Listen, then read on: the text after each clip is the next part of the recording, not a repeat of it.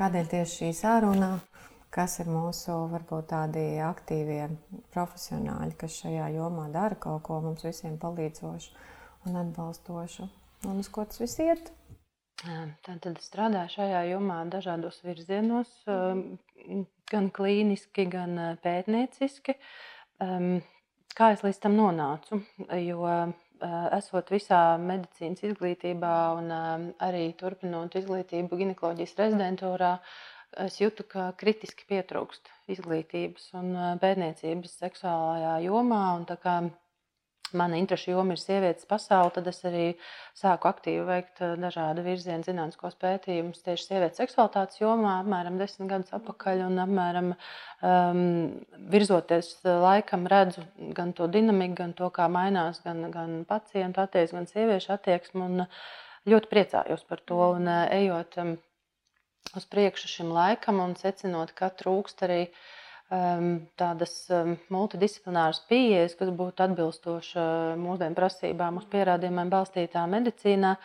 Inicēju un sāku uzrunāt kolēģus, kam ir interese šajā jautājumā strādāt, lai mēs varētu veidot komandu. Jo šajā jomā uh, vienam speciālistam ir grūti, ņemot vērā, ka gan personība kā tāda ir daudzšķautnēna, gan arī eh, no medicīnas puses eh, seksualitātē ir ļoti daudz aspekti, un, un mums eh, jāizvērtē visi, gan visi šie biopsihosociālie, un, un katrs mēs varam uz viņiem palūkoties, nav savas puses, tādēļ uh, šobrīd eh, pulcina ap sevi cilvēkus, kuri ir gatavi iesaistīties dažādu profesiju pārstāvis, kuri galvenokārt ir eh, ginekologs, urologs, psihoterapeits, fizioterapeits, endokrinologs un arī visi citi pēc nepieciešamības. Un ceru, ka varēsim drīzumā startēt ar pirmo seksuālās veselības nodaļu Latvijā, kur atnākot uz iestādi cilvēks var saņemt palīdzību pilnvērtīgi, neatkarīgi no savas seksuālās veselības problēmas.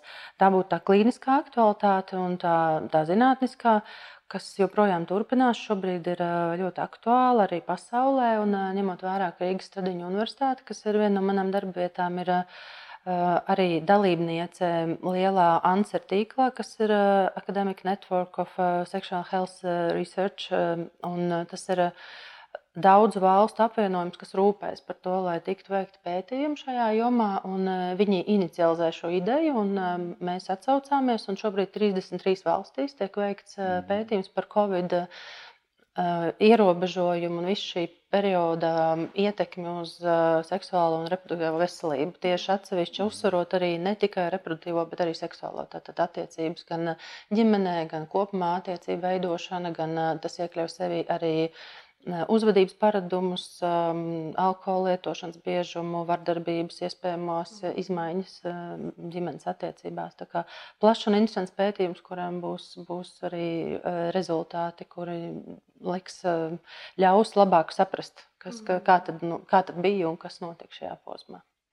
Ir jau kaut kāda sajūta par to, kāda tā aina sāk veidoties Latvijā no tiem datiem, kur jau ir iegūti. Kur... Pirmā sajūta ir tā, ko mēs varam secināt klīniski, jo mēs tāpat kā visi citi turpinājām darbu šajā laikā un varējām novērot tendences. Un, un tendences, nu, vismaz tīri no medicīniskā aspekta, bija dažkārt skumīgas, jo cilvēkiem bija ierobežota pieejamība pakalpojumiem. Mēs to saskārāmies gan no tā viedokļa, ka bija bail nākt uz iestādēm arī tad, ja to drīkstēja, jo bija posms, kad to nedrīkstēja plānveidā, bet tikai akūti.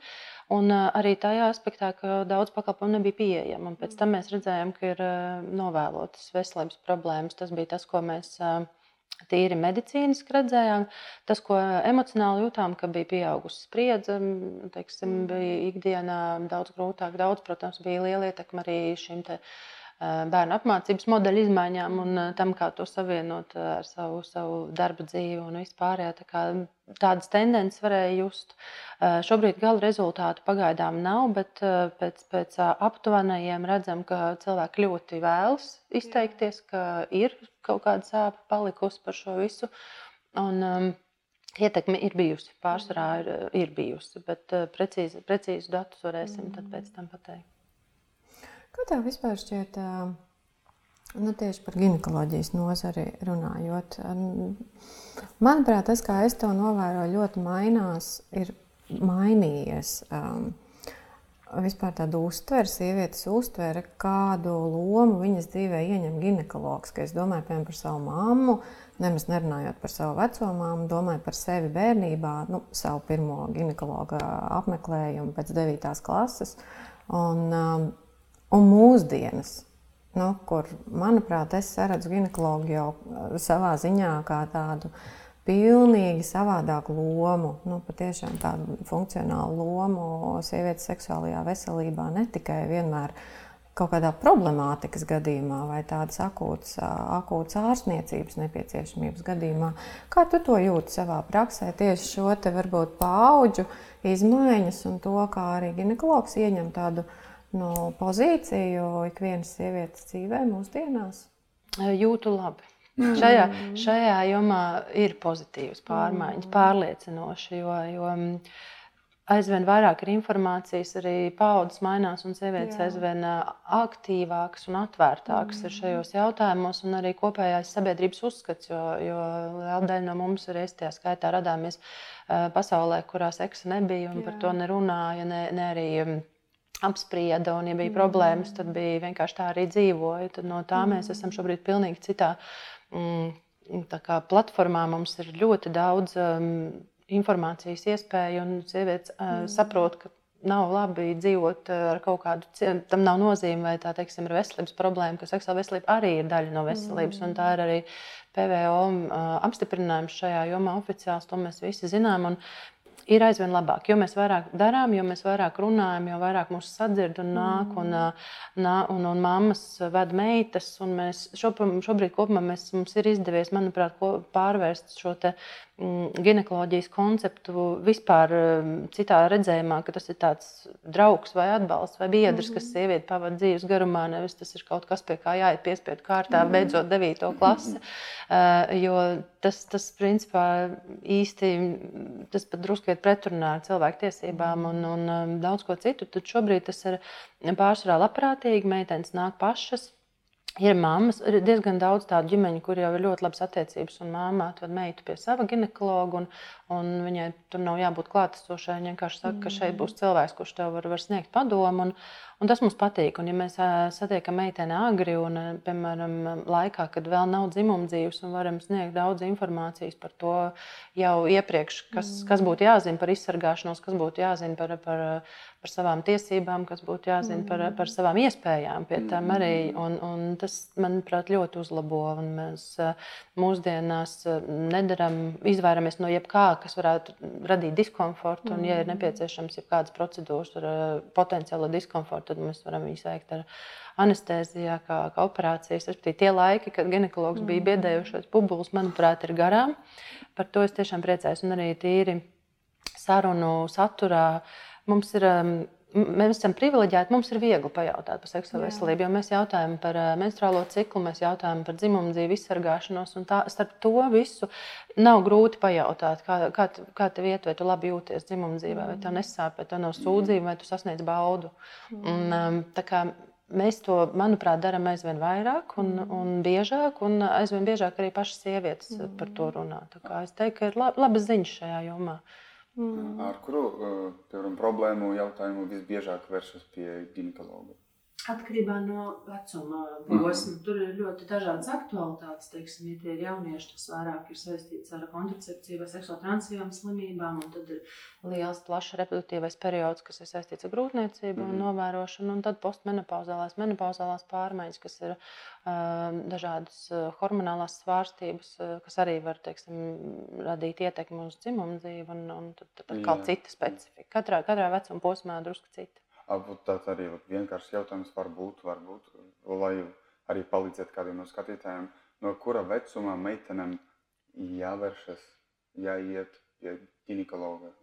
No, no kura vecuma? Tieši. Tad, kad tas ir nepieciešams, jo ir arī vesela disciplīna, tad, kad, kas saucas bērnu ginekoloģija. Jā. Ja tas ir nepieciešams, arī maza meitenīte tiek vesta pie bērnu ginekoloģijā, ir kaut kādas problēmas šajā jomā. Mm.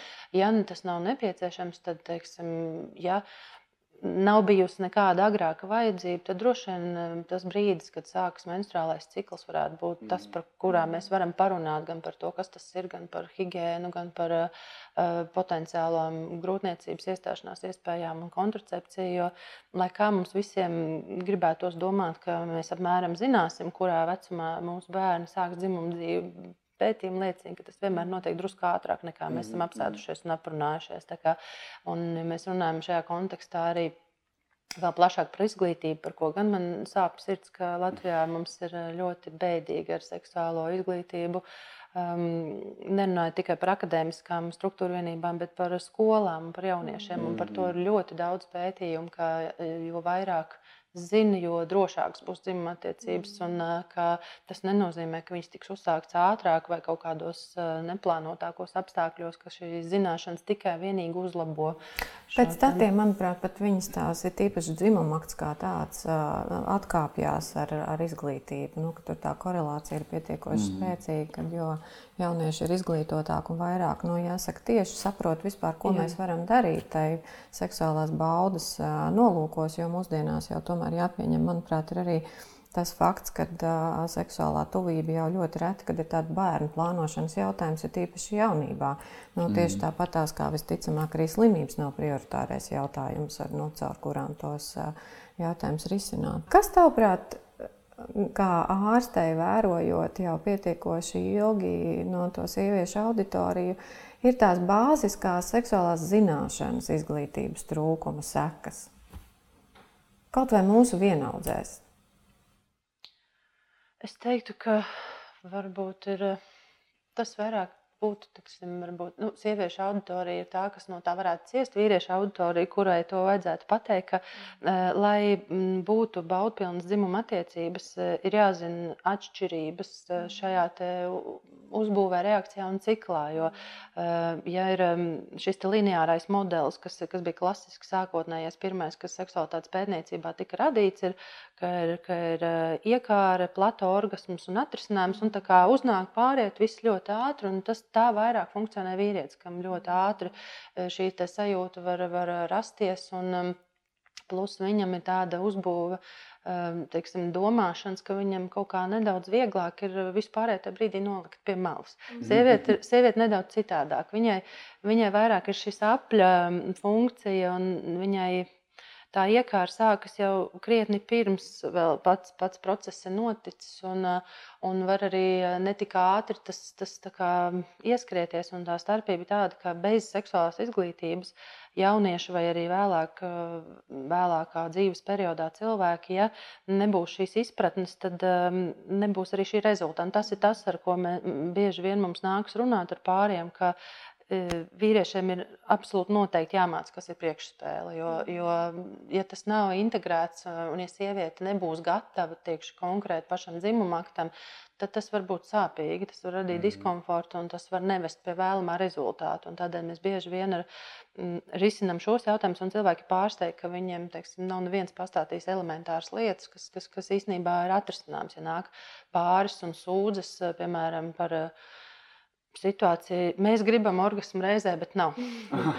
Un tas ir, tas ir jautājums par nereālām expectācijām. Ja nav adekvātas izglītības, tad tās expectācijas ir tādas, ko vai nu redz žurnālā, vai nezinu, porno filmā, vai kaut kur ir mm. kaut kas noskatīts, un, un, un, un tā vēlme ir, lai tā būtu. Bet tad, kad mēs izrunājam par fizioloģiju un par to, kāds notiek un kāda ir atšķirība, tad ar pavisam vienkāršu informāciju. Neko nevajag ārstēt. Tā ir vesela, viss ir kārtībā. Bet pastāstīt, ka ir arī citi veidi, ka nav tikai klasisks vagināls dzimuma akts, un ir ļoti daudz citu veidu, kā, kā var eh, sasniegt eh, prieku un, un baudu. Un arī tās ir dzimuma attiecības. Tās formas jau ir ļoti daudz un dažādas.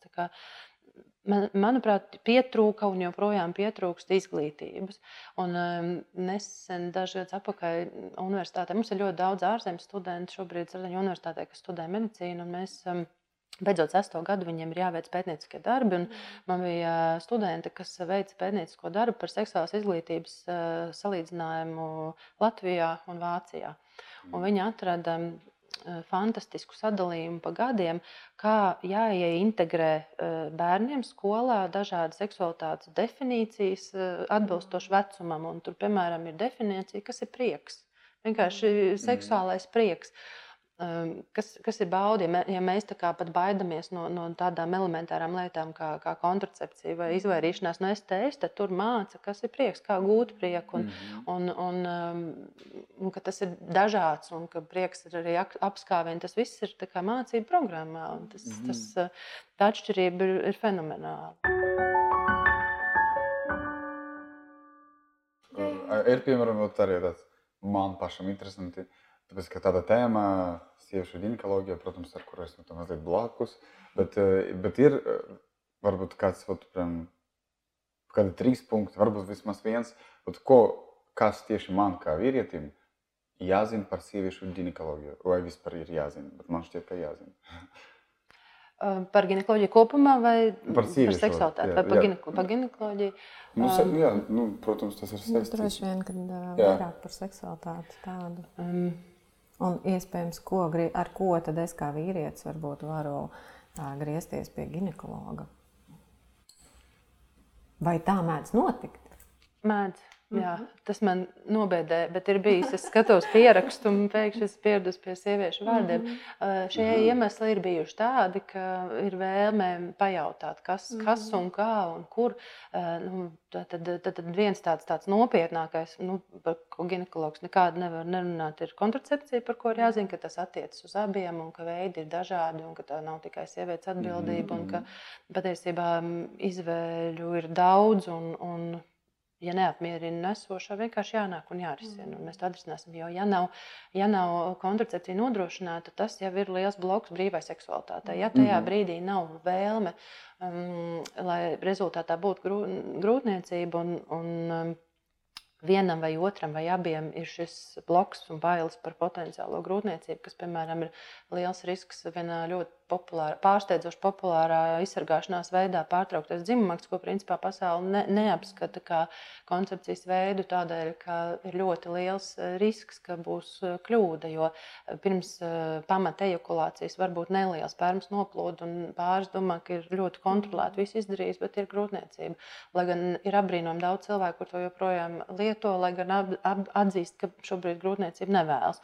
Tā kā izcilāt mītus, plusus, mīnusus, saprast, cik kas ir drošs un nedrošs. Tas ir tas, kam noteikti būtu jābūt brīvās attiecībās. Lai tad, kad nav vēlme, tad neiestājas grūtniecība, un tad, kad šī vēlme rodas, lai, lai viņa atkal atgriezeniski kur iestāties. Tas ir tas, tā mm. pamatlieta, kas, kas attiektos uz abiem. Tur, protams, uzreiz blakus arī nāk nu, teiksim, iespējas un prasme izvairīties no seksuāli transmisīvām infekcijām. Arī tas īsti nederētu brīvai seksualitātei, ja kaut kāda tāda drauda pastāv par, par baudas gūšanu būtu Tātad šīs atšķirības, ka vīrietim ir jāzina, ka sieviete druskuļi citādāka, ka viņai ne, nav tik vienkārši ieslēgties un pieslēgties, un ka sievietei ļoti bieži tieši smadzeņu garos var būt kā supresējošs elements pie situācijas, ja viņu kaut kas nomāca, viņa par ko citu raizējas, ja viņai ir. ir uztraukums par, par eh, bērniem vai par to, kas tobrīd vēl kaut kur notiek. Par, par veselu, teiksim, tas ir tas jautājums par jaunajām māmiņām un to, ka viņām ir bail, ka tas bērniņš, kurš blakus guļ, to viņi piecelsies un to viņi sāks raudāt. Un, ja viņi par to ļoti uztrauc, tad eh, smadzeņu garozā ir fenomenāls uh, nomākšanas iespējas, teiksim, jo seksualitāte ir vairāk uz impulsiem un uz, uh, uz tādu uh, varbūt zemapziņas funkciju. Un tad, ja kaut kas patiešām uztrauc vai, vai tajā brīdī ir nopietns, tad ir jāmēģina kaut kā vai nu, vai nu to brīdi, vai, vai, vai šīs problēmas atrisināt, vai izvēlēties pareizu brīdi. Bet, bet um, nevienmēr ir tik viegli nolikt malā tādas lietas, kas traucē. Un tad tā noteikti par šo priekšspēli, par ko mēs jau runājam, ka sieviete ir jābūt gatavai dzimuma aktam, lai, lai būtu šī bauda. Un to, ka ir veidi ir dažādi, ka nav tikai viens vienīgs klasiskais dzimuma akts, un arī tas ir tas, ar ko pāri kādreiz nāk. Ka, Mm, lai mēs palīdzam medicīniski, ka no klasiska vagināla dzimuma tam nav tās baudas, kādu sievieti gaidītu. Bet uh, ir daļa sieviešu, kurām uh, nebūs, kurām vajadzēs citu stimulāciju, kurām ir, ir ļoti izteikti jutīgi ārējie dzimuma orgāni.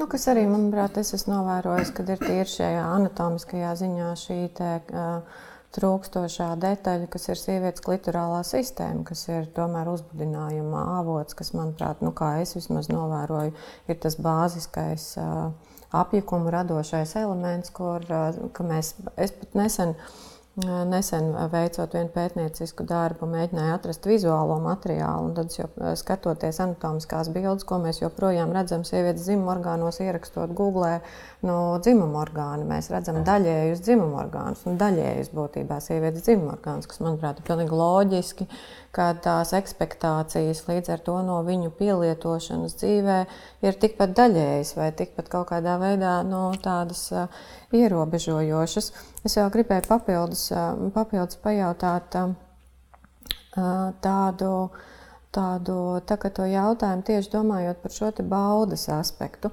Kā tu vēro, tomēr ginekologs ir tas speciālists, kas, manuprāt, tiekās ar sievieti un kur, kurš savā ziņā ir arī tāds, nu, tāda informācijas krātuve par to, kādas vispār Latvijas sievietei ir attiecības ar baudu, seksuālo baudu kā tādu, cik viņi vispār viņi attiecina uz sevi. Pamazām uzlabojas. Mhm. Atkarīgs atkal teikšu no paudzes, jo bija mhm. laiki, kad tāda vienkārši nepastāvēja mhm. domāšanas sistēmā, un kad dzimuma dzīve bija bērnu radīšanai un vīri iepriecināšanai. Un, un šeit es ar to vēl saskaros, un tad man ir ļoti sāpīgi to dzirdēt, ka man tā kā, tā kā jautā, piemēram, kundze gados jautājumu, vai jūs nezināt, cik ilgi viņš vēl gribēs kaut ko. Es vairs nevaru, es vairs nevaru izturēt. Un tad, tas man ļoti, ļoti sāp. Mēs, protams, mēģinām risināt tas, ko mēs varam no savas puses, bet uh, ir, ir kaut kāda daļa sieviešu, kas tā ir visu savu mūžu dzīvojušas un kam, kam ir ļoti grūti pāriet uz to konceptu, ka tas tomēr ir bauda abiem patiesībā. Un, un, jā, šad tad mēs to redzam. Tad, tad ir, pagrūti saprast, no kuras puses sākt. Ja tā ir ginekoloģijas risinājuma puse, ja viņai nav patīkama tādēļ, ka, piemēram, ir šis hormonālais disbalans un tas ir postmenopauzālais periods, tas ir mūsu uzdevums. Mēs to varam atrisināt. Ja vien, protams, viņi vēlas un piekrīt. Mēs varam uh, medikamentozi un ar dažādām mūsdienu modernām estētiskās ginekoloģijas metodēm atrisināt šo jautājumu, lai nebūtu šo sāpju. Un varbūt arī daļai tas pavērsīs jauns pagrieziens, bet, kā jau mēs runājam, tad tas ir biopsihosociāli un tad jautājums, vai viņi to arī grib. Tas jau ir jāgrib. Ja? Ne jau tikai mm. mēs varam um, bioloģiski palīdzēt, bet um, kāda ir tā motivācija galvā un kādas vispār tās partnerattiecības tajā brīdī, ja ir tā, ja ir tiešām tik traki. Varbūt, jā, kas droši vien ir vairāk jau tas psiholoģiskā atbalsta lauciņš, bet atgriežoties atpakaļ pie, tās, pie tām mūsdienu opcijām. Nu, mūsdienas ir mūsdienas, un man liekas, ka tādā ziņā jau tiem, kas grib resursus, vai varam atrast, vai viņi ir paliekošāki, ilglaicīgāki, no brīnuma nav un droši vien nekad nebūs. Nā, nebūs kaut kāda burvju nūjiņa, kas man atrisinās, un es pēkšņi gribēšu seksu, gūšu no viņa baudu, un zināšu limitu, un prasīšu, pratīšu viņu kulturalizēt, un tā tālāk. Un joprojām. Bet tomēr, ja mēs runājam arī piemēram, par jūsu klīniku, kas ir moderna, mūsdienu klīnika, es pieļauju pilnu ar dažādiem aparātiem, iespējām, kas vispār ir nu, tā mazliet aprakstījusi, kas ir tas, par ko sieviete var domāt, kam viņa var vispār šobrīd pievērst uzmanību, ko tas risina kas varbūt ir tas, ko jūs jau redzat, kas ir pakalpojums, ko klients labprāt nāk un, un caur to risina sev kaut kādus seksuālus dabas izaicinājumus. Tieši domājot par tādu seksuālo labklājību, kad uh, pasaule arī ir mainījusies. Nu, respektīvi, tā tad um, viena tāda problēma grupa sieviešu, kurām kaut kāda palīdzība sāk uh, vajadzēt, pat ja viss Jā. ir bijis labi, ir jaunās māmiņas. Jo šeit mm -hmm. ir um, situācijas, kad pēc dzemdībām vai nu bijušas kādas rētas, vai plīsuma, vai, ja, piemēram, ir bijis ļoti, ļoti liels bērniņu grūtas mm. dzemdības, vai vilgas, vai iegriezumi. Eh, šad tad eh, ir novērojams anatomiskās izmaiņas eh, dzimuma mm. orgānos, un, un tas varētu būt brīdis, kas, kas rada sarežģījums. Jo pats periods vispār ir ļoti izaicinošs. Šis jaunās māmiņas kā, loma, jo nerunājot par visām psihoemocionālām izmaiņām, arī, arī barošana, nakts mm. stundas, nogurums un viss pārējais. Un barošanas hormonu rezultātā anatomiski mazinās nedaudz pārējo hormonu. Tajā brīdī darbība un tajā posmā, sevišķi, kad tiek tikai krūtbēniņš zīdīts, mm. tad ļoti bieži ir ļoti izteikts maksas sausums. Un, mm. un dažkārt viņš tad, kad beidza krūti zīdīt, ātri uzlabojas, citām drusciņā lēnāk. Mm. Tā ir viena no jomām, kur mēs varam palīdzēt ar, ar dažādām metodēm, kas ir, kas ir vai nu, ja, piemēram, sajūta, ka šis makts atslābums, ka, ka nav vairs to izjūta, kādas bija. Tad viena no populārākajām ir uh, lāzerterapija. Mēs varam veikt makstu gļotādas lāzera apstrādi, tādā veidā um, liekot viņai atjaunoties un šiem saistāvdiem atjaunoties. Un, um, tam, tam apjomam, kas, kas ir šķietams zaudēts, kas patiesībā nav tā, ka tas ir kaut kas ļoti liels, bet reizēm ir sajūta, ka dzimumdzīvē vairs nav tā, kā bija.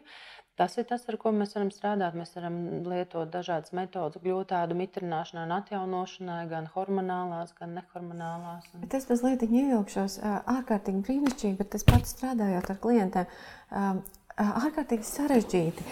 Pastāstīs, lūdzu, tā patiešām ļoti novienkāršojot, ko man tas dod. Es aizēju uz to procedūru, Es tagad veicu, piemēram, kaut kādu lāzera apstrādi, un kas notiek ar mani? Jo tas, ko es ļoti bieži jūtu, strādājot, mēģinot iedrošināt savus klientus, nu, kaut vai aiziet arī ārstam, ginekologam uzdot šos jautājumus, nu, kas tad tur notiks? Nu, es, piemēram, veicu kaut kādu objektīvu pašu. Nu, tādu paštestēšanu, vispār saprotu, kāda tā man maksa ir, kā viņa jūtās, nu, un kādas būs tās izmaiņas, ko tas man dos. Kam man tas ir vajadzīgs. Nu, tā ļoti var pamēģināt. Tā, nu, tā pavisam neko no tā nesaprotu. Vispār pirmo reizi ienāk, pat nesaprotu, ko paprasīt. Es tiešām nesaprotu, tas man interesanti. Tad, es teikšu tādu, ka es uzsveru, ka, ja vispār mēs to darām, mums tas ir jādara, ja viena sieviete pat to vēlas. Jā. Tāda situācija, mm -hmm. ka es teiktu, ka man šķiet, ka jums tur kaut kas ne tā, un varbūt izdarām, tāda nebūs. Tam tomēr mm -hmm. ir mhm. jābūt viņas pašsajūtai, jo, jo ja ir labi, nav nekā tāda, kas mūs traucētu, ginekoloģija, kas man, man traucētu veikt apskatu vai izmeklēšanu, tad uh, pamatā tā iniciatīva ir jānāk no pašas sievietes. Un tad tas iemesls, uh, kāpēc viņa ir atnākusi, tad viena daļa varētu būt tādas, kuras atnāk ar kaut kādu problēmu, un tad viņas apraksta šo problēmu, kā, kas tad ir. Piemēram, ir Nu, piemēram, ir pēc dzemdībām sajūta, ka maksts ir plašāka un ka nav vairs to sajūta, kādas mm. bija. Vai, piemēram, kaut kāda gaisa plūsma dzimuma laikā mm. novērojama, kas arī var būt, kas no, rodas no tā, ja ir muskuļu atslābums, ieguņu pamatnes, mm. vai arī uh, sausums, kas rada diskomfortu, vai arī sāpes rētā pēc šīm dzemdībām. Mm. Nu, tās ir konkrētas sūdzības, kuras mm. mēs um, izrunājam veidus, kā risināt. Un, uh, attiecīgi mūsu mērķis ir, lai šīs sūdzības pazūd. Tas mhm. būtu tas medicīniskais, un otrs vairāk par to seksualitāti. Ka, e, It kā ir labi, bet šķiet, ka kaut ko gribētos vairāk, ka ir, ka ir pamazs šo izjūtu. Un, ka, teiksim, nav, nav konkrēti, varbūt ir medicīniska sūdzība, kā sāpes vai mhm. izdalījuma vai vēl kaut kas, bet ir vēlme uzlabot uh, seksuālās baudas sajūtu. Un mm -hmm. tad tas, ko mēs darām, atkal mēs nesākam uzreiz mesties virsū ar, ar visādiem ārstēšanas veidiem. Mums jāsaprot, kurā līmenī tas ir, kāpēc mm -hmm. nav vai nav tāpēc, ka partnerattiecības varbūt īsti nenodrošina to, ko varbūt. Jo bijis pavisam nesen ļoti svaigs pacients, kas nāk un sūdzas par, par um, nespēju gūt orgasmu ar šo partneri un jautājot, kā notiek dzimumakts un stimul, vai tiek stimulētas zonas, kas viņai ir aktuāls. Nu, nē. Mm. Un, un cilvēks nāk pēc brīnuma tabletītes, un, un, un nav tādas brīnuma tabletītes. Tā kā principā visam jau jāsākas ar, ar, ar izglītību par to, kā kam jābūt. Es uz šī fona vēl labprāt atgriezīšos pie klitora, jo tas ir ārkārtīgi mm. interesants jautājums, ko, mm, ko tu inicēji par viņa izmēriem un viņa lomu. Jo klitora galviņa, kas ir anatomijas grāmatā redzamā, pavisam nelielā, ir tikai pats galiņš. Man ir ļoti žēl, ka es neiedomājos paņemt līdzi. Man ir klitora 3D modelis, maketiņš. To nevar aprakstīt, kāda ir starpība starp to galiņu un starp viņu. Un tas ir ļoti liels, ļoti būtisks, ļoti spēcīgs un svarīgs orgāns. Un patiesībā, ja tā grib vēl vairāk asuma, ka tas ir vienīgais orgāns vispār ķermenī, kura vienīgā funkcija ir tikai baudas mm. uh, sniegšana. Ne, nekādas citas bioloģiskas, anatomiskas funkcijas viņam nav. Ja mēs runājam par dzimumu locekli, tad tam ir arī, arī vēl citas. Kas ja, ir tas kā, pats priekšķermenis, būtībā, um, kura no sastāvā ir tas pats nu, priekšķermenis? Nu, princi, principā viņš tā kā, tā kā tā doma, ka, ka šis orgāns ir būtisks, un mēs vēl runājam par to, kas, piemēram, ir jāzina vīrietim. Es pat neiedomājos, ka to vajadzētu pateikt, bet tas pilnīgi noteikti vīrietim noteikti ir jāzina, kas ir klitors, eh, kur tas atrodas, un, un, um, un jāmāk, jāspēj un jāmācās to integrēt kaut kādā dzimuma aktā, jo lielai daļai sieviešu tas būs nepieciešams. Varētu būt, ka kaut kādai daļai mazāk, kam vairāk dominē šis vaginālais dzimums, bet lielai daļai tas, tas būs aktuāli. Tā kā, nu, šis, um, Tas arī tas interesantais tāds, ka tātad, lai mēs sniegtu to palīdzību, ka cilvēks ir atnācis ar sūdzībām, mums jātiek ir skaidrībā, kurā līmenī, kāpēc šīs sūdzības ir. Jo, ja sūdzības ir tādēļ, ka netiek veikta adekvāta dzimorgāna stimulācija, mums tur nav ko ārstēt. Mums mm. nevajag ņemt un spricēt, durt vai griezt vai lāzerēt. Mums vienkārši jāapmāca, kā, mm. kā, kā palīdzēt. Un, um, Ja to mēs esam izslēguši, tad mēs ejam nākamos soļus un skatāmies, kas ir tas medicīniskais. Kā, uh, par, par lāzeru bija jautājums. Tātad lāzera apstrāde ir tāds, tāds, tāds speciāls cirkulārs um, instruments, kurš maksti apstrādā um, visā garumā, mm -hmm. uh, cirkulāri pēc noteikta kā, režīma, un to dara vienu reizi uh, mēnesī, trīs mēnešus pēc kārtas. Šī metode ir domāta gan maksta tonus atjaunošanai pēc mm -hmm. uh, dzemdībām vai jebkādu citu iemeslu dēļ, ja tāda sajūta sajūta, ka ir atslābums. Gan uh, mitrināšanai sieniņas kļūst uh, teiksim, atkal stiprākas un atjaunojas, mm -hmm. gan arī uh, palīdz šāda urīna nesaturēšanai, ja tāda ir. Jo mhm. arī tā, ar to mēs mēdzam saskarties gan uh, pēcdzemdību periodā, gan uh, menopauzālā periodā, jo maina šo maksu cieniņu leņķi, kas mm -hmm. savukārt maina urīna izvadu kanāla leņķi. Tas, tas būtu tas lāzers.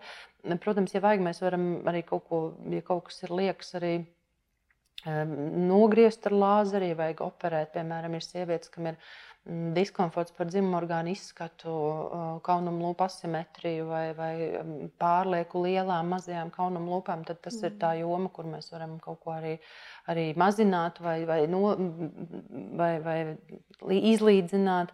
Un, un tad ir šīs liela cita joma, kas ir injekcijas. Vienas ir Hialuronskābe tas ir tas, ko dabisks materiāls, kurš ķermenī saistāvdos atrodas. Un, ja mums kaut kur vajag kaut ko papildināt, tad mēs varam to izmantot. Respektīvi, ja ir sajūta, ka ir zaudēts izskats vai apjoms ārējiem dzimorganām, mēs to varam ar šo metodu atjaunot. Princips ir līdzīgs, kā mēdz darīt dermatologs sejā, kaut Jā. ko palielināt. Vai, tad mums ir specifisks preparāts tieši ginekoloģijā, ko mēs varam darīt. Un to mēs varam ievadīt arī uh, zem maksta Eh, priekšējās sienas, kas ir šis jutīgais gāpunkta rajons, ja teiksim, ir vēlme uzlabot uh, jutīgumu. Un, uh, pēc, pēc vajadzības rētās ievadīt, lai mīkstinātu rētas vai, vai risināt kādas no šīm problēmām.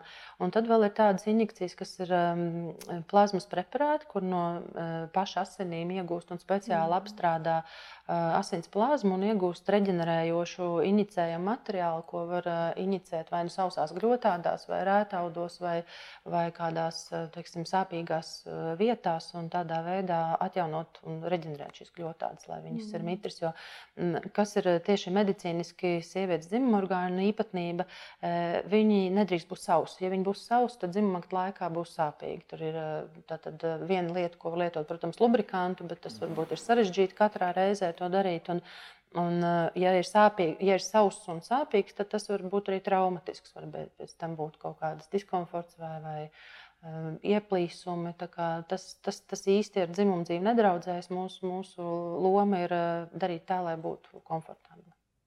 Jā. Kā ir ar šīm visām, nu, kas, manuprāt, ir viens no tādiem, nu, kā es redzu, aktuāliem jautājumiem, šī estetizācija. Nu, man var nepatikt, mana dzimuma orgāna, es varu pieņemt kaut kādu lēmumu, viņas estetizēt. Kas notiek ar, ar rētaudiem, ja es, piemēram, samazinu savas nezinu, mazās vai lielās kaunuma lūpas, kas notiek ar viņu jutīgumu, jo tā tomēr ir arī savā ziņā tie nervu gali, kuri kaut kādā veidā pie kuras apstrādes tiek traumēti. Kas ir ar šo te? Es gribētu vienkārši izgaismot to, ka tā, manuprāt, mums vienmēr ir izvēle, ka visam ir sava cena un kaut ko iegūstot, es arī iespējams par to ar kaut ko maksāšu. Kas ir šīs estētiskās ginekoloģijas, iespējams tā amplitūda, kurā man tad, ja es eju uz šo pakalpojumu, tad es saprotu, ka nu, es iegūšu šo, bet iespējams, ka tad man ir jādomā, kā es risināšu šo. Nu, pieņemsim, varbūt tieši šī man ārējo dzimumu orgānu daļa bija ļoti sajūtīga pret pieskārienu, un tagad viņu estetizējot es iespējams sev vizuāli patikšu labāk. Nu, jo tas, ko es novēroju ļoti bieži, kad arī partneri pilnīgi savādāk redz sievietes dzīves orgānus nekā viņa pati, un viņai pašai tomēr ir, ir tas primārā teikšana, un droši vien mēs varam darīt, kā mums patīkās, bet kur ir tā, nu, kā, kā, kā tas notiek? Labā, labā ziņa, ka parasti nav tik daudz to Mhm. negatīvu aspektu, un īsti nav tā, ka, lai kaut ko iegūtu, ir kaut kas jāzaudē šajā gadījumā.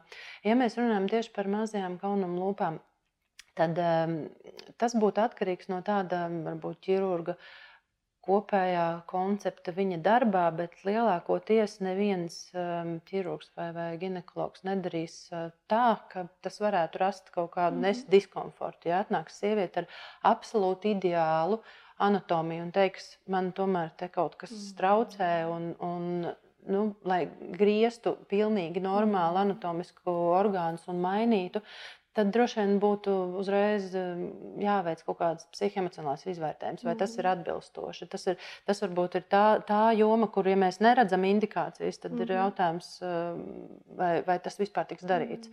Tur, kur ir indikācijas, tur um, zudumu īsti nav. Tur pārsvarā ir ieguvumi. Par indikācijām mēs runājam, teiksim, ja mēs nonācām līdz šai mazo kaunumu lūpu ķirurģijai.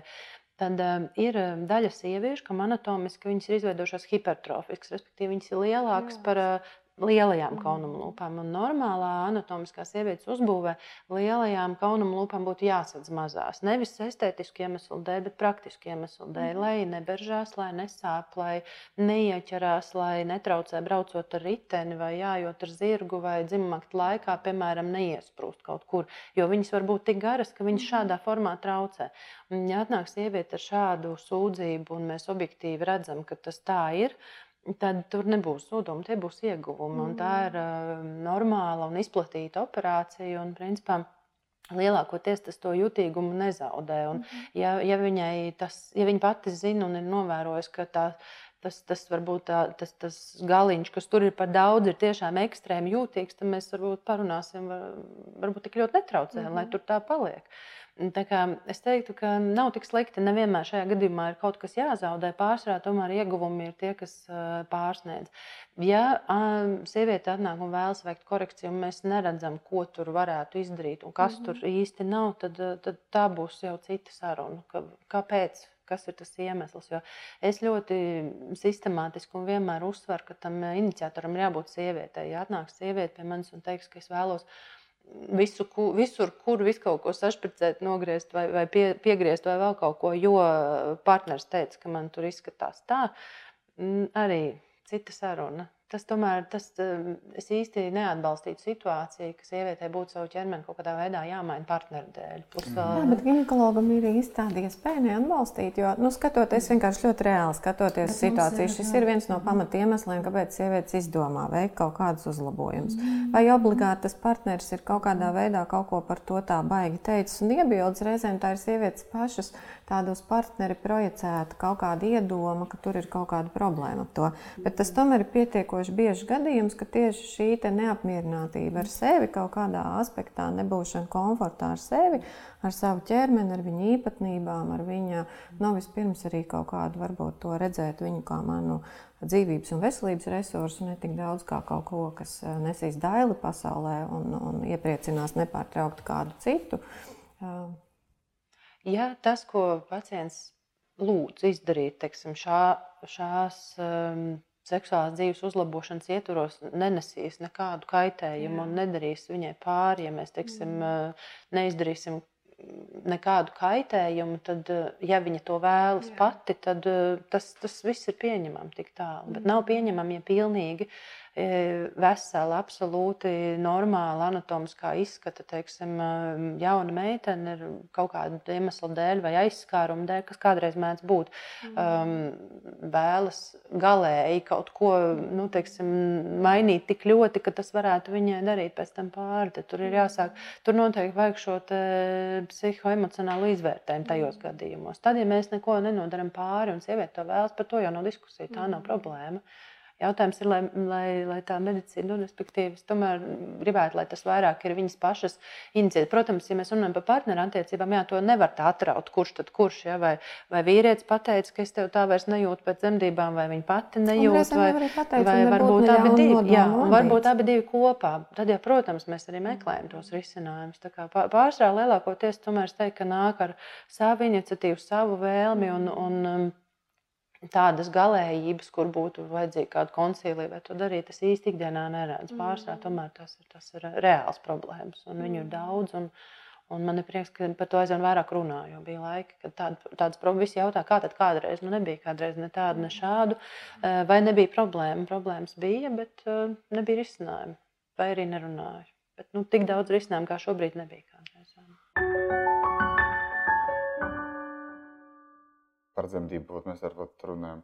Ar Kristīnu bijām uz izrādi Elpa, Dēlas teātrī, brīnišķīgi izrāde. Un tur uh, Ievas Eglīnes varoniete izpildīja lomu, kurai bija fragments, moments par bērnības, ber, bērna zaudēšanu. Jā, un tur, nu, protams, tas ir izrādē. Tur tā bija īsti parādīts, kā, protams, pēc tam bija um, emocionāli, protams, tāds tukšums, un ka tas, nu, tā atkal primitīvi tā būvēja, bet uh, tā aizdomāties, kā ir iespējams pēc tam atjaunot uh, seksuālu dzīvi. Uh, pēc, es domāju, tas ir viens no tiem uh, jautājumiem un problēmām, par, ar kurām nāc arī. Un tas tiešām ir sarežģīti. Jā, nu varbūt tiešām tu vari pakomentēt pēc uh, spontānā aborta, pēc uh, mm nu, kaut kādām varbūt arī cita, cita veida. Tā, no tā ginekologa viedokļa mēs šos jautājumus sastopam, redzam. Ja? Tad, tad to mēs skaidri zinām, ka ne visas grūtniecības, kas ir iestājušās, beidzas ar dzemdībām. Iemesli ir dažādi. Vai nu ir šie spontāni aborti, vai kādreiz ir misada aborti, kad apstājas grūtniecība, bet nav nekādu simptomu, un tas tiek konstatēts pie ārsta kabinetā, vai kādreiz ir kādas patoloģijas, kur dēļ grūtniecība ir jāpārtrauc, un, un dažkārt ir grūtniecības, kuras tiek pārtrauktas pēc sievietes vēlēšanās. Ne viss, protams, beidzas dzemdībām. Un visas um, reizes, kad bērniņš tiek zaudēts, um, ir smags um, pārdzīvojums. Par to arī mums ir kaut kā jāmācās atbalstīt sievietes. Jo dažkārt šķiet, ja tas ir agrā laikā zaudēts, ka, ka nav tik traki un lielā ir trakāk. Bet tā patiesībā nav. Jo tas zaudējums ir sērošanas process visos gadījumos, neatkarīgi no tā, cik, cik tas um, laiks ir bijis, jo tas sērošanas mm, teiksim, pakāpe, tas vairāk ir saistīts ar to, ka jau nav zaudēta tikai grūtniecība, ir zaudēts sapnis par bērniņu. Jo tikko kā grūtniecība, grūtniecības tests ir pozitīvs, tad mm, sieviete apzinās ne tikai to, ka kaut kas ļoti maziņš viņā aug, bet viņa jau sapņo par to, kā būs, kā viņas dzīvē šis bērniņš būs un, un kā, kā tas viss mainīs viņas dzīvi, tāpēc um, arī mazā laikā tas var nest liels pārdzīvojums. Un katram pārim būs, būs uh, dažādas tās um, pakāpes, cik, cik ātri vai viegli viņi tiks vai netiks tam pāri. Bet tas ir pārdzīvojums, kam ir jāiziet cauri, kam ir šīs sērošanas pakāpes. Un, Ja mēs runājam par bioloģiskiem aspektiem, tad no tehniski grūtniecība nākamā var iestāties uzreiz, kā ir atjaunojušās menstruācijas, kā, ir, kā ir menstruālais cikls. Par to mm, emocionālo pusi tas jau ir jāskatās pašam pārim. Tas nav, mēs nevaram mm, kā, viņu vietā pateikt, kurš ir tas brīdis, kad viņi ir gatavi. Vienam tas ir eh, gads, un vienam tas ir pusgads, vienam tas ir eh, viens mēnesis, un nākamajā ciklā atkal ir grūtniecība. Tie riski vairāk ir saistīti nevis ar seksuālo dzīvi. Tā, tā, tas, tas parasti nav sarežģīti atsākt dzimuma attiecības, jo, ja pāris ir atbalstošs, viņiem teiksim, tās tāda kopā būšana un, un Un tas vēl pat var palīdzēt emocionāli.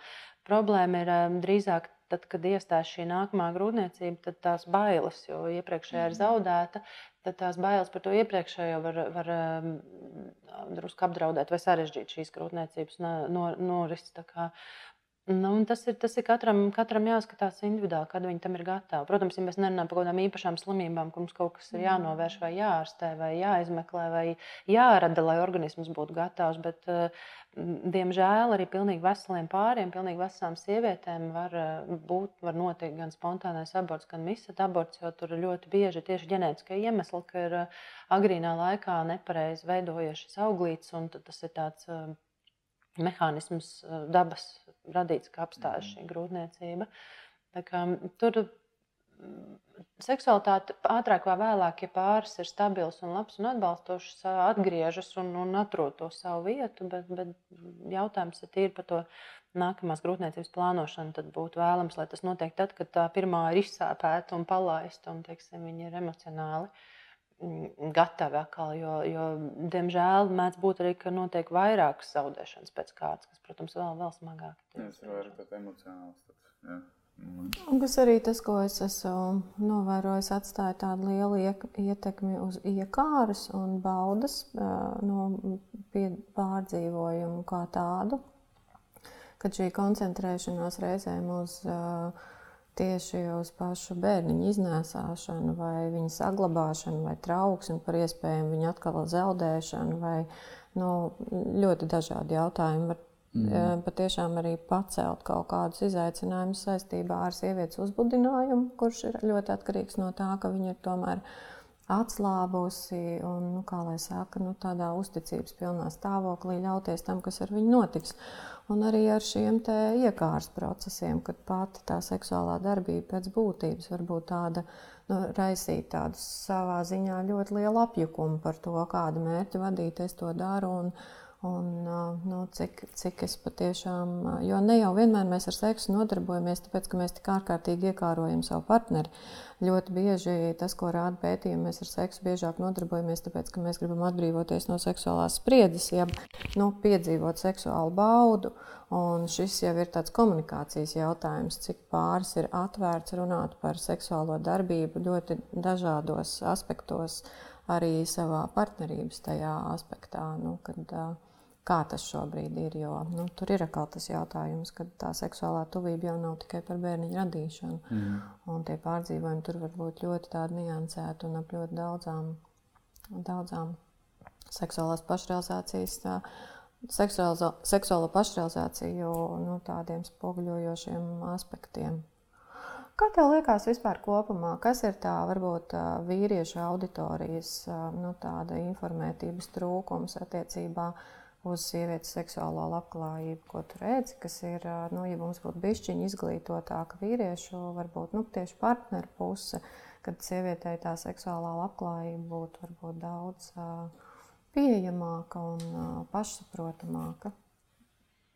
Nu, sākot, protams, ar šo pašu izglītību jauniešiem, kas, kas būtu jauki, ja par to runātu agri, brīvi. Un, uh, visi, jo nu, teiksim, mūsu populācijas ģimenēs ir uh, nav īpaši raksturīga. Mm. Tēvs vai māte tā brīvi apsēstos un, un, un teiktu, vai tu sāki masturbēt, jau, vai man te pastāstīja. Tik daudz cilvēku to vārdu vispār izrunāt, nevar vai izrunā un, un, un vienkārši nespēja to, to spriedzi izturēt. Jo pasaulē tas sen ir pierādīts, ka patiesībā agrīna masturbēšana uh, var būt labs pamats uh, sava ķermeņa labai izzināšanai. Tiksim, uh, ka tas ir normāli. Ja pirms dzimuma attiecībām tas ir teikt, darīts, jo tas noņem šo spriedzi un um, pa, parāda pašam cilvēkam, abiem dzimumiem, vienalga, kuram pašam savu ķermeni. Un tad, kad saprot savu, tad ir vieglāk arī, arī tam partnerim rādīt, mm, ka, kas ir tas vēlamais.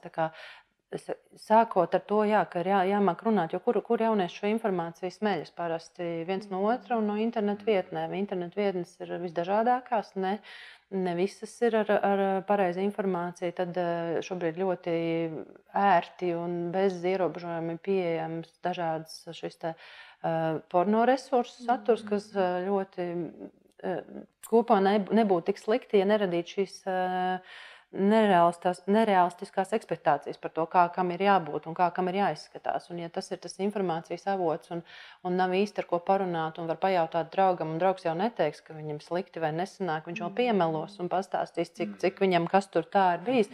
Un, un rezultātā drusciņi sakropļot tā uztvere, jauna puika uztvere nav īsti, varbūt uh, viņš sevi varbūt kaut kā saprot, bet viņš nevienmēr tik ļoti sapratīs, uh, kas un kā ir, kā ir sieviete, ja viņam ir šāds tas informācijas avots. Tāpēc joprojām es ārkārtīgi no sirds ceru, ka pienāks brīdis, ka mums skolās, bet es nezinu, kā to panākt, lai tas būtu tādā līmenī, kāds ir nepieciešams, un, un lai panāktu arī nu, teiksim, visu vecāku akceptu, ka tas ir pareizā laikā, pareizā brīdī, jo ģimenes ir ļoti dažādas, un, un ne visi uzskata tā.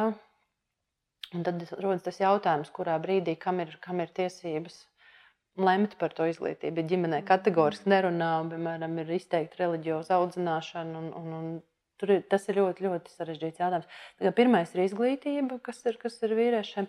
Nu, ar attieksmi, manuprāt, ja attiecībās viss ir kārtībā, tad, tad nu, cieņpilnas attieksmes situācijā vajadzētu jau būt, ka visu var izrunāt. Bet tas, tas varbūt, ko es esmu novērojis, ka ir grūti runāt par šiem jautājumiem attiecībās. Ir grūti pateikt, man tieši desmit gadus nepatīk, ka tu dari šitā. Mm. Un tad ir jautājums, jo es arī zinu pārus, kas ir, kas ir šķīrušies, jo nav, nav varējuši pateikt. Un tad, kad izšķirās, tad pēc kaut kāda brīža uzpeld, ka tas tas jautājums. Viņi nevarēja izrunāt. Viņi mm, viens vai otrs nevarēja pateikt, ka zin, man šī tā nepatīk. Un tik, tad, kad tas ļoti ilgi tiek ciests, tad tas, protams, var sasniegt tādu brīdi, ka vairs īsti grūti apakaicēji sameklēt.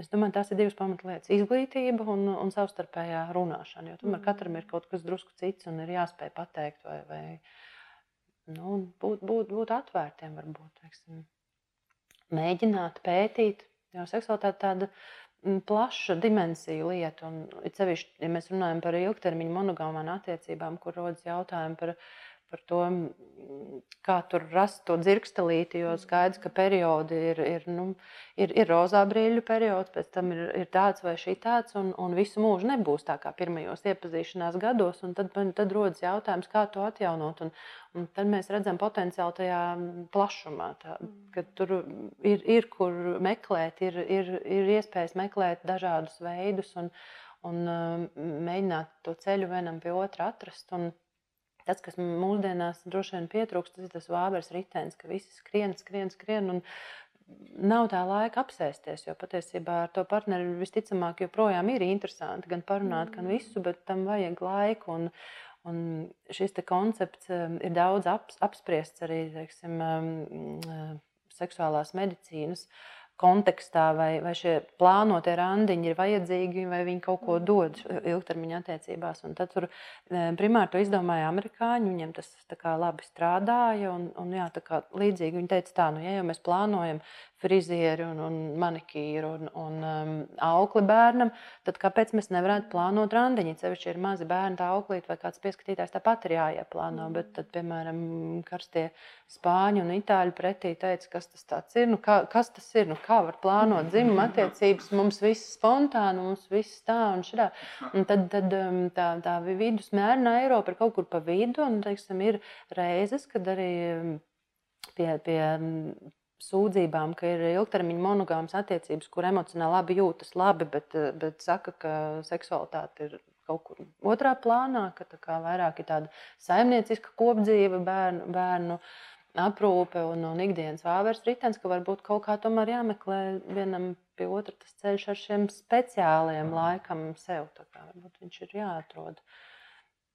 Ka Tas ir tāds seksuālās tuvības prioritizēšana, manuprāt, tas, kas paliek pasaulē šobrīd ir vien aktuālāks, tas, par ko nu, daudz šobrīd runā. Arī nu, ņemot vērā, ka tā cilvēka seksualitāte ir salīdzinoši maz pētīta. Ja mēs tā skatāmies, cik daudz mēs esam pētījuši visu kaut ko sev apkārt un arī citu dzīvu būtņu seksualitāti, tad um, paši pret savu mēs esam izturējušies ar diezgan lielu tādu necieņu un neieinteresētību. Un, tas, man liekas, ir tāds interesants un nu, kas man, man liekas raisa vismaz interesi, kā pamainīsies pasaule. Tad, kad mēs sāksim pirmkārt cienīt to, ka mēs esam seksuāli, tad, kad mēs sāksim novērtēt to, ka seksuāli realizējies cilvēks ir labklājīgāks cilvēks, viņš ir veselīgāks cilvēks gan fiziskā, gan garīgā ziņā. Nu, ar to domu, ka mūsu seksuālā izrēģēšana tomēr atstāja labvēlīgas sekas arī uz mūsu ķermeni, pat bioloģiskā līmenī, nemaz mm -hmm.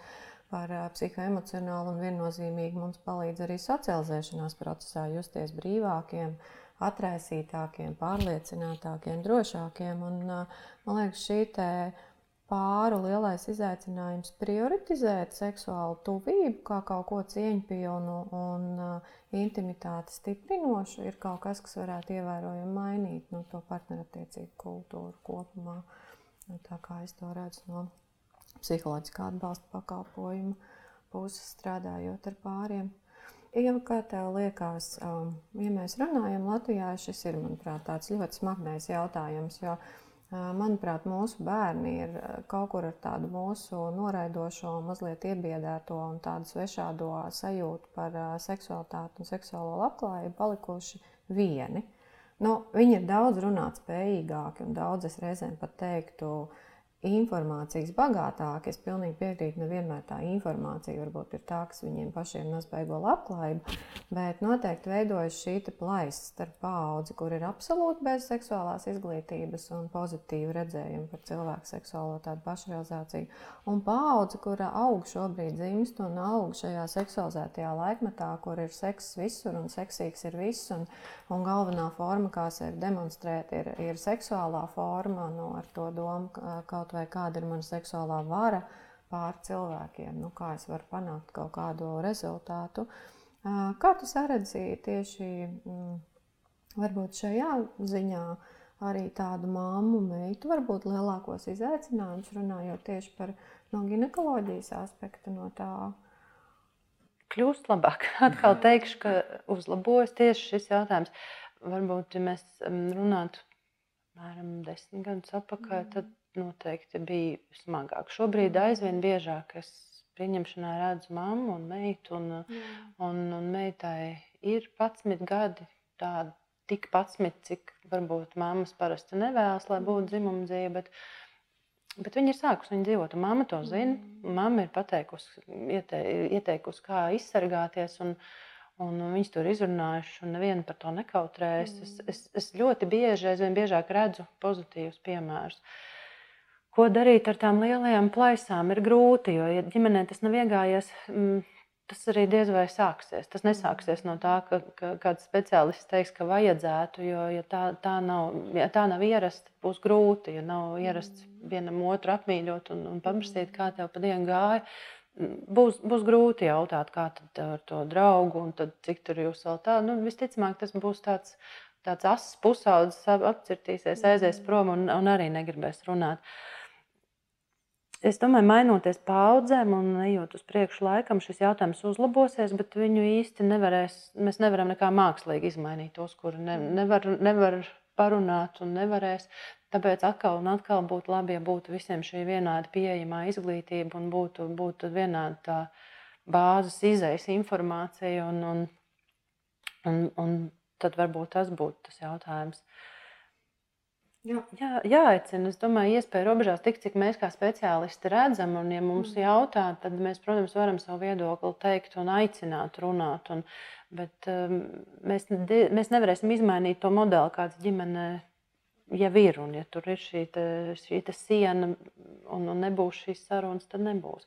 Grūti mums ir arī tajos gadījumos, teiksim, ja jauna meitene piemēram, vēlas konsultēties par grūtniecības pārtraukšanu. Mēs jautājam, ir, ir vecums, līdz kuram uh, tam ir jābūt uh, saskaņotam vecākiem, ir vecums, pēc kura vairs ne.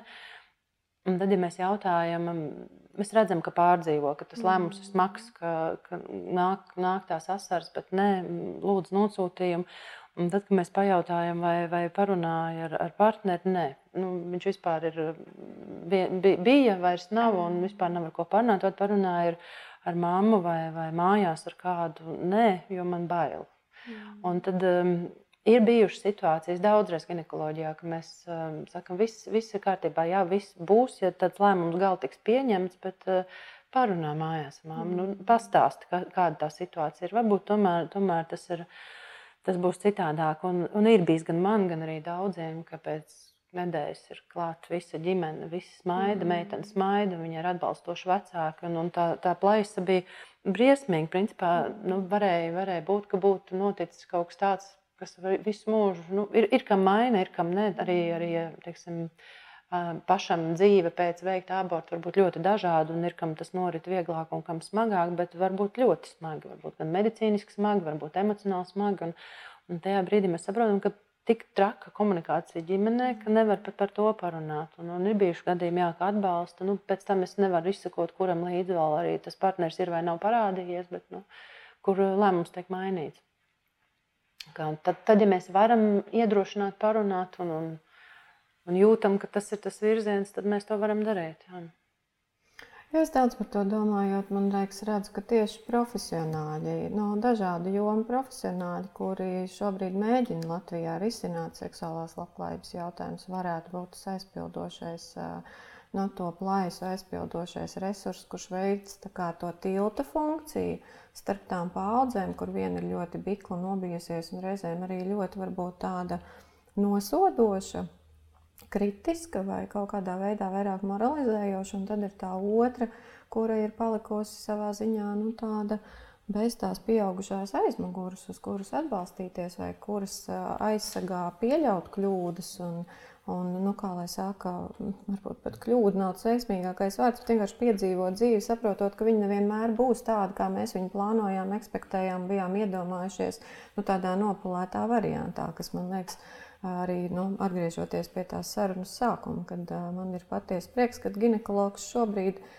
lai cik nu, tā konsultācija ir palikusi ar vien īsāku, īsāku, kas varbūt ir tā mana sirds sāpe, kad ak, dieniņās tā jau nav tā sievietei īsti, piemēram, kur likties ar šo savu nu, kaut kādu seksuālo izaicinājumu. Un tad vēl tas vienīgais ārsts, kur viņa nu, vismaz saņemās un kaut kā beidzot verbalizē, jo nevienmēr viņa nonāk tiešā veidā pie psiholoģiskā atbalsta sniedzēja nu, kaut kādā aspektā, kas varētu vairāk iedrošināt arī, piemēram, reizēm manuprāt, aiziet pie ginekologa jau ar konkrētāku jautājumu, tad apzinātāka pati, nu, tad satrenētāka runāties vispār par to, uzdrošināties runāties. Tad tajā ziņā man liekas, no ginekologs ir viens no tiltiem šobrīd, ko es nezinu, vai mēs urologus joprojām varam saukt par tiltiem, jo man liekas, vīriešu jautājumi ir vēl izaicinošāki, nu, lai cik mums liktos, ka sievietēm ir grūti.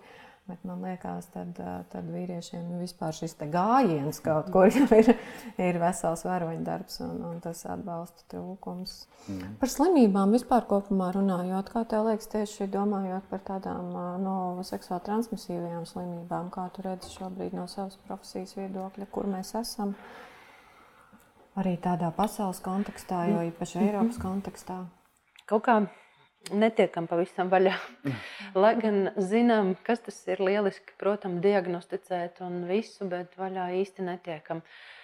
Kaut kāda varbūt vēl paliek zināšanu daļa, nezināšana. Protams, tie pārsvarā ir jauni un seksuāli aktīvi cilvēki, kas bieži maina partnerus. Tā ir riska grupa, mēs nekādu viņus neapvainojam, bet tā ir realitāte. Un, un kaut kādā daļā Bet es teiktu, ka zināšanu trūkums būtu mazāks. Nav tā, ka nezinu, ka, teiksim, ja mēs kaut ko konstatējam, un cilvēks pirmo reizi dzird šādu slimību.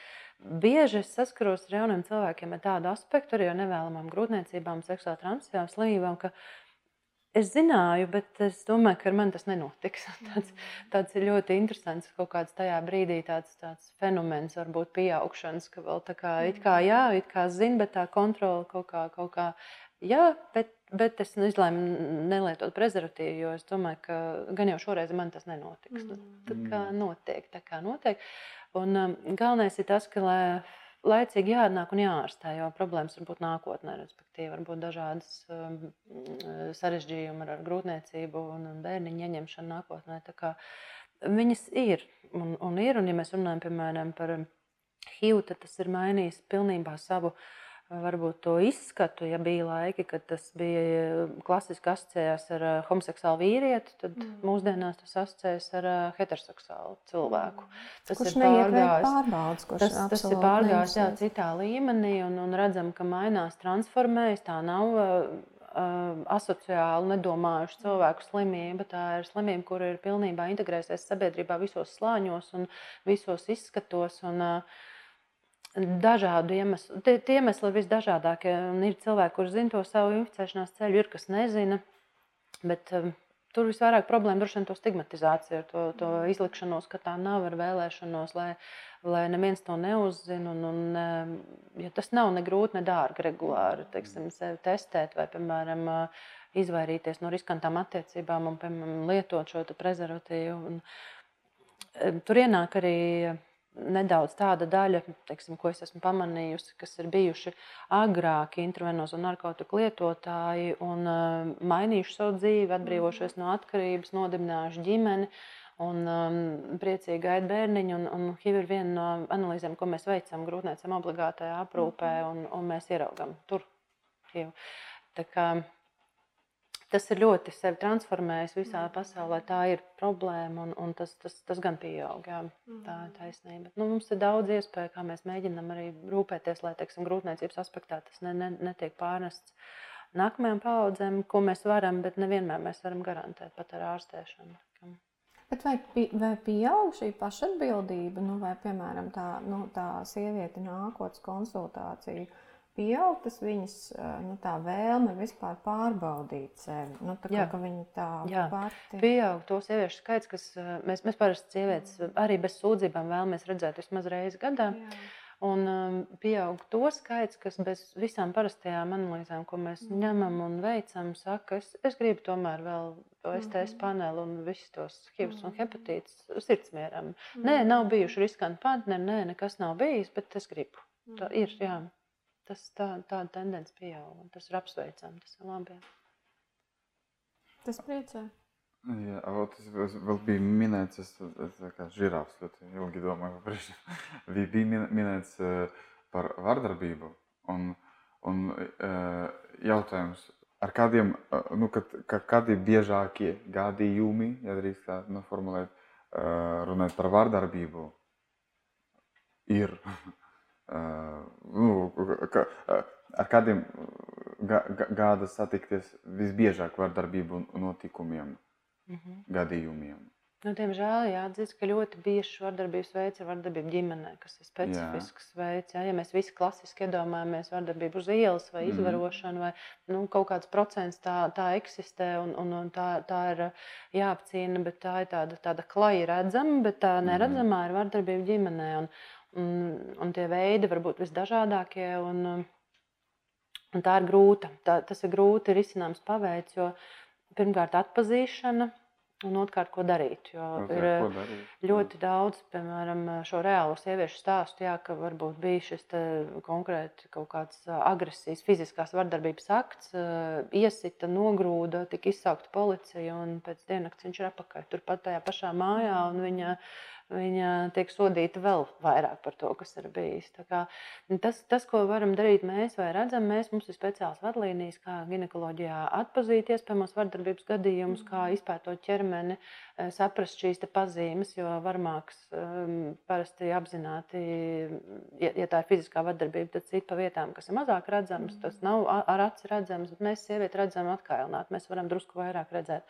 Un šajās tipiskajās vietās, un arī pēc sarunas vai pēc viņas, vai, piemēram, pēc pavadīšanas vizītēs, uzstājīgas, un drusku var redzēt, vai tas ir viņas iniciēts, vai tomēr tas ir kāds, kas baidās, lai viņa ne, šo, šo informāciju nenodot tālāk. Tā ir ļoti smaga vardarbība, jo bieži vien mūsu situācijās, tiksim, Latvijā, tā sistēma ko tālāk. Jā, viņi var paņemt to somu un tos bērnus un iz, iziet tajā brīdī uz ielas, bet ko tālāk, kur sāks tā aizsardzības sistēma. Tas, tas nebūs īsti vairs medicīnas daļa, tā būs, tā būs tāda sociālā un labklājības, bet um, īsti, īsti kārtībā mums ar šo nav. Jā. Un notiek, un arī citas formas ir arī emocionālā, nevajag arī fizisko, arī tāda var būt. Un, un uh, finansiālā arī turēšana, teiksim, atkarībā ir ļoti, ļoti daudz šo te veidu.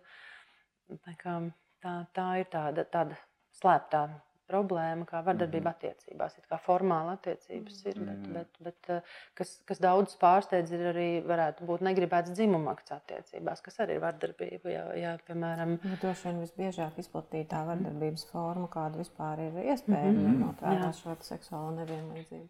Jā, tā, kā, tā kā tāda arī eksistē, ko ir ļoti grūti definēt. Un, un, no, no likuma viedokļa mums, kā medicīnas speciālistiem, ja mēs saskaramies ar, ar situāciju, ka mēs redzam aizdomas, ja sieviete ir cietusi vai, vai bērns cieši no vardarbības, mums ir eh, jāziņo policijā par to. Mm. Un, un viņi tālāk izmeklē, bet eh, reizēm ir ļoti gara saruna ar sievieti vajadzīga, kas, kas būs tālāk, vai mēs viņai nenodarīsim pāri, vai, vai viņa nu, mēs varam piedāvāt resursus vai stāstīt, kur viņi var vērsties, bet tas lēmums, kad, kad to darīt visdrošāk, tas ir noteikti jā, jāveic kontekstā ar viņas situāciju. Kristīna, viens no pie, pie tevis klienti nākot bieži, nu, arī procentuāli biežāk tādi gadījumi. Nu, ne, varbūt ne biežāk, bet cik, cik procentuāli tādi gadījumi ir. Tāpēc kā arī mazliet Nu, es ļoti bieži saskaros ar tieši šo negribēto seksuālo darbību. Nu, ņemot vērā, ka tā specializācija šobrīd ir vairāk partnerattiecības un seksuālās dabas jautājumi, tad tas, es teiktu, ir no lielā, lielākā daļa klientūras no vienas vai no otras puses kaut kāda veida ģimenes ietvaros vai partnerattiecību ietvaros darbības pret kur viņi nav pēc brīvas gribas, ko mēs varam klasificēt kā vardarbību. Bet, uh, Man tas profils mazliet ir, ir pamainījies. Tad, kad es kādreiz vairāk strādāju krīzes centros, nu, tad, protams, ka tiešā veidā nepārtraukti tur ir darbs tieši ar šo vardarbību. Un tajā ziņā man liekas, tas ir tāds ļoti, ļoti sarežģīts, komplicēts jautājums. Jo sanāk, no vienas puses mēs ļoti atbalstam un veicinām un gribam veidot ģimeni kā sistēmu, bet no otras puses tā pati ģimene kā sistēma ir visnepasargātākā no sevis pašas reizēm patiešām arī šīs neizglītotības, atbalsta trūkuma un resursu, nu, resursu pieejamības mm. ziņā. Jo, protams, mēs varam, nu, kas ir vienmēr tāds tā kā, ļoti duāls jautājums, arī kaut vai domājot par to pašu seksuālo tuvību. Ja es dzīvoju ilgstoši partnerattiecībās un, piemēram, to seksuālo tuvību nevēlos, Un, uh, savukārt, mans partneris viņu vēlās, tad kurā brīdī mēs varam jau sākt runāt par emocionālu vardarbību, kur partnerim tiek liekta kaut kāda pamatvajadzība, ko monogāmas attiecības neparedz, ka viņš ies un realizēs kaut kur ārpusē. Mm. Kas man liekas, ir mūsdienu konceptā ļoti tāds aktuāls jautājums, kā mēs, nu, ja kādreiz bija šis pienākums un to vispār nekvalificēja neviens kā vardarbību, tad mūsdienās mēs jebkādu negribētu darbību kvalificējam kā vardarbību, bet kur ir tie resursi? Kā tad mums to risināt? Jo, nu, tā, to ārējo zonu mēs joprojām turam slēgtu, iekšēji nu, man ir, es jūtos tā, kā es jūtos. Un es teiktu, tad, pff, nu, kur tur vairs ir atšķirība. Viens ir fiziski vardarbīgs, vai nu, arī seksuālā ziņā, vai otrs ir emocionāli vardarbīgs. Un tad mēs sākam salīdzināties, kas mums vairāk sāp vai kam būs lielākas sekas. Es domāju, ka tas ir ļoti komplicēts jautājums, un tas noteikti skar ļoti arī daudzus speciālistus un viņu darbu, kur reizēm tieši saskaroties ar šo partnerību, nu, kā tādu, un arī ar bērniem, nu, jau kā ģimenes sistēmu, mēs redzam, ka tas arī tā kā pārmantojās. Uh, kad uh, tie bērni arī brīnišķīgi novēro šo robežu pārkāpšanu, normalizēšanu. Nu, tas ir pieņemami, ka man ķer kaut kur grābs, kaut kur man neuzdod jautājumus, ko es vēlos, vai man mhm. tas vispār šobrīd ir, ir uh, pieņemami. Jā. jā, bet būtībā jā, man tieši tāpatās kā, kā mediķiem ir pienākums ziņot, ja es nonāku kontaktā ar, ar kaut kādu veidu vardarbības situāciju. Un tad, protams, tas vienmēr ir tas jautājums, kur mēs, manuprāt, jebkurš speciālists mēģinam izgaismot, kādi tie resursi mums valstī ir, lai cik viņi ir varbūt niecīgi, bet kur tomēr mēs varam nu, nu, pēc iespējas vismaz mazināt to potenciālu, ka tas turpinās tikpat intensīvā veidā. Bet, bet tās situācijas mēdz būt arī ļoti komplicētas un neviennozīmīgas. Ir tīpaši ļoti bieži tas, ko es saskaros šo priekšstatu dēļ kauna, ka es labāk nenesīšu mm -hmm. ārpusē. Arī, mm -hmm. piemēram, kas, ko es ļoti bieži ar, ar tieši ar sievietēm, klientiem runāju, kad ir ļoti nozīmīgi iet pie tā ginekologa pēc tā vardarbīgā seksa. Jo nu, tas patiešām var būt bijis traumatizējošs akts, kura rezultātā var attīstīties arī kaut kādi iekaisumi vai nu, nu, jebkas, kur, kur ne tik daudz kā pats ziņošana par vardarbību, bet noteikti mm -hmm. arī viņas piefiksēšana, kas ir juridiski vismaz kaut kas, kas var spēcināt to sievieti. Nu, ja pat tas mm -hmm. netiks formāli lietots, tad vismaz tā viņas sajūtā, ka viņa mācās rūpēties par sevi un savām tiesībām tādā pašatbildības līmenī. Mm -hmm. Un, nu, tā kā jā, tie tādi komplicēti jautājumi, bet es pieļauju, ka pamazām jau viņi arī mūsu valstī virzās kaut kādā pozitīvākā gultnē. Jā, cerams. Jā. Ieva, kā tev, kas tavuprāt, kā tu definētu, kas ir seksuāli inteliģents cilvēks? Tas. Lai mēs iedotu kaut kādu cerību visam šim te, kas, protams, ja mēs to tā piezemējam, reizēm ir, ir sarežģīti, bet. Uh, Nu, seksuālā funkcija ir daļa no, no identitātes. Respektīvi, mm -hmm. tā, tā ir integrēta cilvēkā un, un um, viņas izpausmes var būt visdažādākās. Mm -hmm. Normāli būtu, ja cilvēks dzīvo tā, ka viņš gan ir tiesīgs, gan spējīgs, gan, um, gan prot seksualitāti tādā veidā realizēt, mm -hmm. ka tas viņam sniedz prieku Un nenodara nevienam pāri, ne, nepārkāpj kriminālu likumu vai, vai neiesaista savā darbībās kādu, kur, kurš nepiekrīt. Mm. Un tas būtībā arī viss un pārējo nevar definēt, jo visas izpausmes, kas, kas iekļaujas šajā, ir pieņemamas principā, un, un tās robežas visdažādākās. Un būtu labi, ja sabiedrība prastu akceptēt to, ka, ka tie veidi ir daudz plašāki, ka viņi nav tikai standarti vieni. Un, un tas būtu mūsu speciāls uzdevums atbalstīt, lai, cilvēkam, lai cilvēks to var realizēt. Tas, kā, kā, kurā, ja, ja tas neizdodas, tad, tad mūsu uzdevums identificēt, kurā līmenī vajag palīdzēt un doties Mm. palīgā. Nu, veidojam tiltus. Jā, jā liels paldies! Paldies tev! Jau. Paldies!